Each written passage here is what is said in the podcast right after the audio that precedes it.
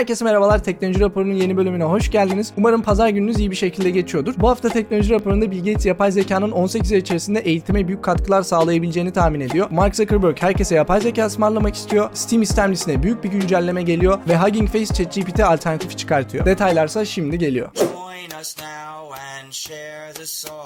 GNOME 44.1 yayınlandı. Bu sürümde bazı görsel problemler çözülüyor. Ekran görüntüsü aracı için var olan bazı sorunlar gideriliyor. Multi monitörlerde bazen oluşan donma sorunu çözülüyor. Dahası da var ama bunlar genelde arka planda çözülen bazı sorunlar sizin kullanıcı deneyiminizi iyileştiriyor. GNOME kullanıyorsanız 44.1 sürümüne güncelleyebilirsiniz. Debian tabanlı Nitrox'un 2.8 sürümü yayınlandı. Güncellemeye Linux 6.2 çekirdek sürümü ve 5.27.4 plazma sürümü dahil edildi. ZSwap versiyon olarak kullanılıyor ve aynı zamanda Android uygulamalarını çalıştırmanızı sağlayan Waydroid yüklü geliyor. Yavaş yavaş dağıtımlar Waydroid'i versiyon olarak yüklemeyi tercih ediyorlar. Bu hafta keşfettiğim ilginç projelerden biri Wi-Fi ya da mobil veri olmadan internete bağlanmanızı sağlıyor. Wi-Fi ya da mobil verim yoksa internete nasıl bağlanacağım? SMS atıyorsunuz ve karşı taraftan sıkıştırılmış bir veri geliyor. Kendi geliştirdikleri tarayıcı okuyabiliyor ve böylece internete erişebiliyorsunuz. Tabii bu şu an kullandığımız internet gibi hızlı değildir muhtemelen. Bilmiyorum ben denemedim ama projenin esas amacı zaten Wi-Fi ya da mobil veri hizmetine erişemeyen bölgeleri hedeflemek. İlginç bir proje sizlerle de paylaşmak istedim.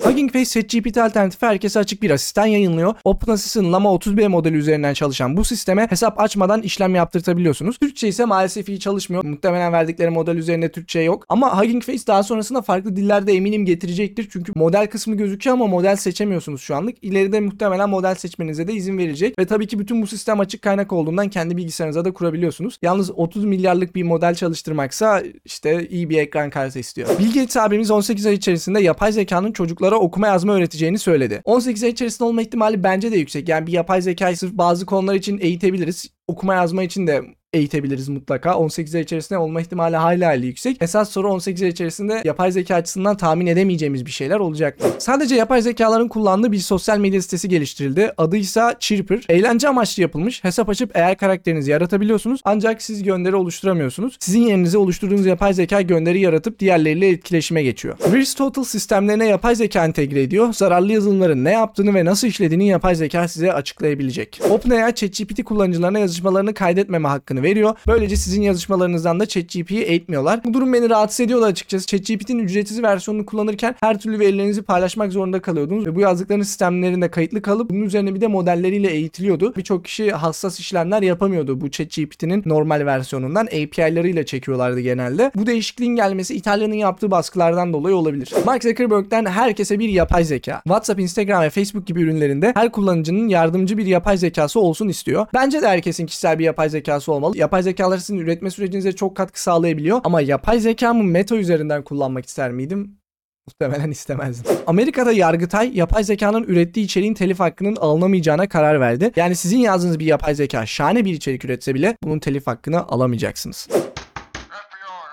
Windows'ta curl'ün eski bir versiyonu güvenlik açıklarıyla duruyorken güvenlik taraması yapan programlar kullanıcıları bu konu hakkında uyardığında bir panik yaşanmış. Birçok kullanıcı curl'ü kendi elleriyle indirip System 32'nin içerisindeki curl ile değiştirmiş. Sonrasında ise bu kişiler yeni gelen Windows güncellemelerini alamamaya başlamış. Curl'ün geliştiricisi ise bunun neden yanlış olduğunu anlatıyor. Yani bu makalenin özeti şu. Normalde System 32 içerisindeki bir dosyayı değiştirecekseniz elle değiştirmeyin. Yeni bir güncelleme gelmesini bekleyin. Google Authenticator uygulaması iki faktörlü doğrulama anahtarlarınızı artık buluta senkronize edebilecek. Çok mantıklı bir gelişme olduğunu düşünmüyorum. Çünkü Google hesabınıza erişebilen herhangi bir insan bütün iki faktörlü anahtarlarınıza erişebilecek. Normalde iki faktörün amacı sizin siz olduğunuzu doğrulamak. Sadece sizin erişebileceğiniz bir cihazda ben Yusuf İpek'im, ben Ahmet'im, ben Ece'yim diyebiliyorsunuz. Sizin siz olduğunuz doğrulanabiliyor. İki faktörlü doğrulamanın bütün amacı bu. Ama şimdi bunu buluta senkronize ediyorsunuz ve hesabınız giderse geçmiş olsun. Bu konuya eleştiriler gelince de Google ileride uçtan önce şifreleme getiririz falan demiş. Yani uçtan önce şifrelemeden kastı. İki faktörlü anahtarlarınıza erişirken bir de ek şifre girmenizi isteyecekler sizden. Ama henüz böyle bir şey yok. Ve bence buluta bu şekilde iki faktörlü doğrulamayı senkronize etmek iyi bir fikir değil. KeePass XC'ye yapılan bir güvenlik denetiminde herhangi bir kritik açık bulunmadı. Daha iyi yapılabilecek konularda öneriler mevcut. Ancak KeePass XC en iyi şifre yöneticilerinden birisi bence. Özellikle SyncThing tarzı sunucusuz bir sistem halihazırda kullanıyorsanız bence KeePass XC'yi kullanmalısınız. Chrome OS'te bir sesli konuşmaya katıldığınızda sistem seviyesinden mikrofonunuzu veya kameranızı kapatmak için bir uyarı çıkacak. Bu GNOME veya KDE Wayland kullananlarda uzun bir süredir vardı. Evde dolaşan şirin bir ufaklığınız varsa telefonunuza ne yüklediğine dikkat edin. Play Store'daki Minecraft klonu uygulamalar telefonunuza reklam yazılımı yüklüyor ve sürekli sizin adınıza arka planda reklamlara tıklıyor.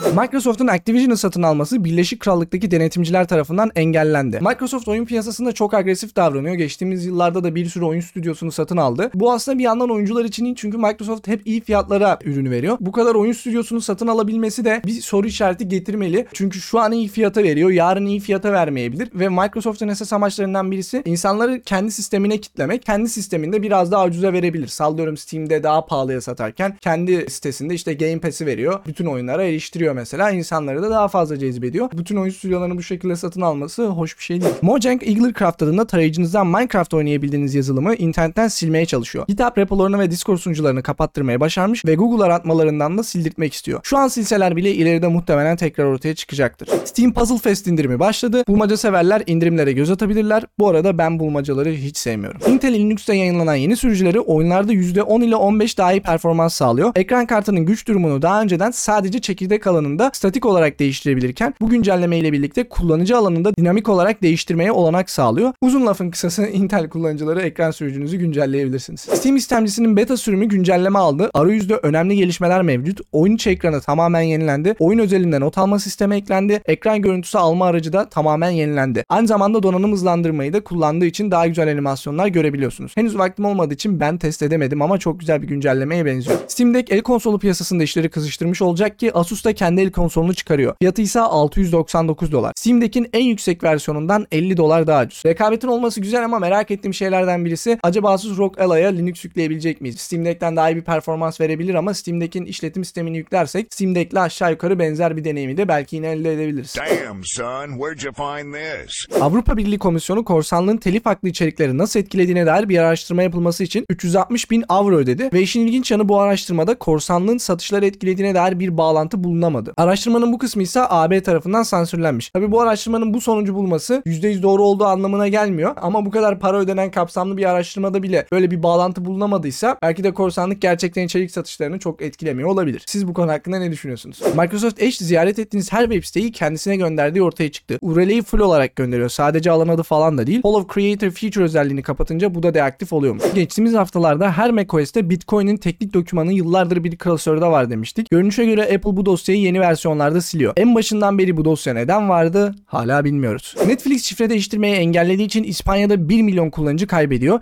Netflix'e göre bu durum geçici çünkü giden kişiler kendi hesaplarını açacaklar. Meta, Metaverse'e yaptığı harcamalar dolayısıyla bu yılın ilk çeyreğinde 4 milyar dolar kaybetmiş. Merak ettiğim şey ise acaba o 4 milyar dolara ne geliştirildi? Çünkü şu ana kadar halka sunulan kısma baktığımızda WhatsApp'a bir avatar ekleme falan bir de Teams'e avatar ekleme falan e, geldi. 4 milyar dolarlık bir sonuç değil bu kesinlikle. Amazon Prime Türkiye ücreti yıllardır 7.90 TL'ydi ama bu fiyat artık 39 TL. Prime'ın sunduğu hizmetlere göre hala değer bence. Kargolama hizmetleri çok iyi ve yanında Prime Video, Twitch aboneliği gibi ek özellikler de var. Ama ben Prime Video ve Twitch aboneliği gibi şeyleri kullanmıyorum. Sadece kargolama hizmeti için Amazon Prime üyesiydim ve Amazon'dan da her ay alışveriş yapmıyorum. Dolayısıyla ben kendi üyeliğimi iptal ettim. Siz gelen zam hakkında ne düşünüyorsunuz? Brave arama motoru artık %100 organik sonuç veriyor. Bing'in en son kalan parçaları da arama motorundan kaldırıldı. Yakın zamanda da Brave Search API'larını yayınlayacaklar. Twitter anonim olarak kullanıyorsanız artık aratma yapamayacaksınız. Aratma yapmak için hesap oluşturup giriş yapmanızı istiyorlar. Nitr üzerinden hala Twitter'da anonim bir şekilde aratma yapabiliyorsunuz ama Twitter API işinde çok agresif davrandığı için Nitr'ı da kapatacaklar diye korkuyorum. Fingerprint.resist özelliği açık olan Firefox kullanıcılarını Cloudflare engelliyor. Anladığım kadarıyla bunu bu sefer bilerek yapmamışlar ve Cloudflare ekibi düzeltmek için uğraşıyor. OpenOffice'e büyük güncelleme gelmeyeli tam 9 yıl oldu. LibreOffice hala bu yazılımı kullanan kullanıcıları uyarıyor. Hem güvenlik hem özellik açısından geri kalıyorsunuz. Evet bu haftaki teknoloji raporunun da sonuna geldik. Sizin haberler hakkındaki düşüncelerinizi yorumlarda bekliyorum. Aynı zamanda teknoloji raporunun kaynaklarına bakmak istiyorsanız aşağıda bağlantısını bırakacağım. Orada hem kaynakları görebilirsiniz hem de haftalık bültende yayınladığım ne izliyorum ne üretiyorum haftanın yazılımı gibi videoda paylaşmadığım kısımları da görebilirsiniz. Bu video hoşunuza gittiyse videoyu beğenip arkadaşlarınızla paylaşmayı unutmayın. Özellikle teknolojiyle ilgilenen arkadaşlarınız varsa videoyu ve kanalı paylaşırsanız çok sevinirim. Yeni gelen içeriklerden de haberdar olmak için kanala abone olup çana basabilirsiniz. Ve teknoloji raporunu bitirmeden yanda gördüğünüz katıl üyelerime de teşekkürlerimi sunmak istiyorum. TXV, Devrim 6. Prototürk, Eren Seyfi, İsmail Sarıkaya, Kuayt Umut, Alpacin, Potemkin, Furkan Karataş, Murat Çabuk, Mayfrek, Taner Gergül, Emre, Salih, Kerem, Utku ve yanda gördüğünüz diğer bütün isimlere destekleri için teşekkürler. YouTube platformu dışındaki maddi destekçilerimize de yine destekleri için teşekkür ediyorum. Siz de yaptığım işi seviyorsanız ve kanala maddi destekte bulunmak istiyorsanız yusufpek.me çizgi destek adresine gidebilirsiniz. Bir sonraki teknoloji raporunda görüşmek üzere. Kendinize iyi bakın. Hoşçakalın.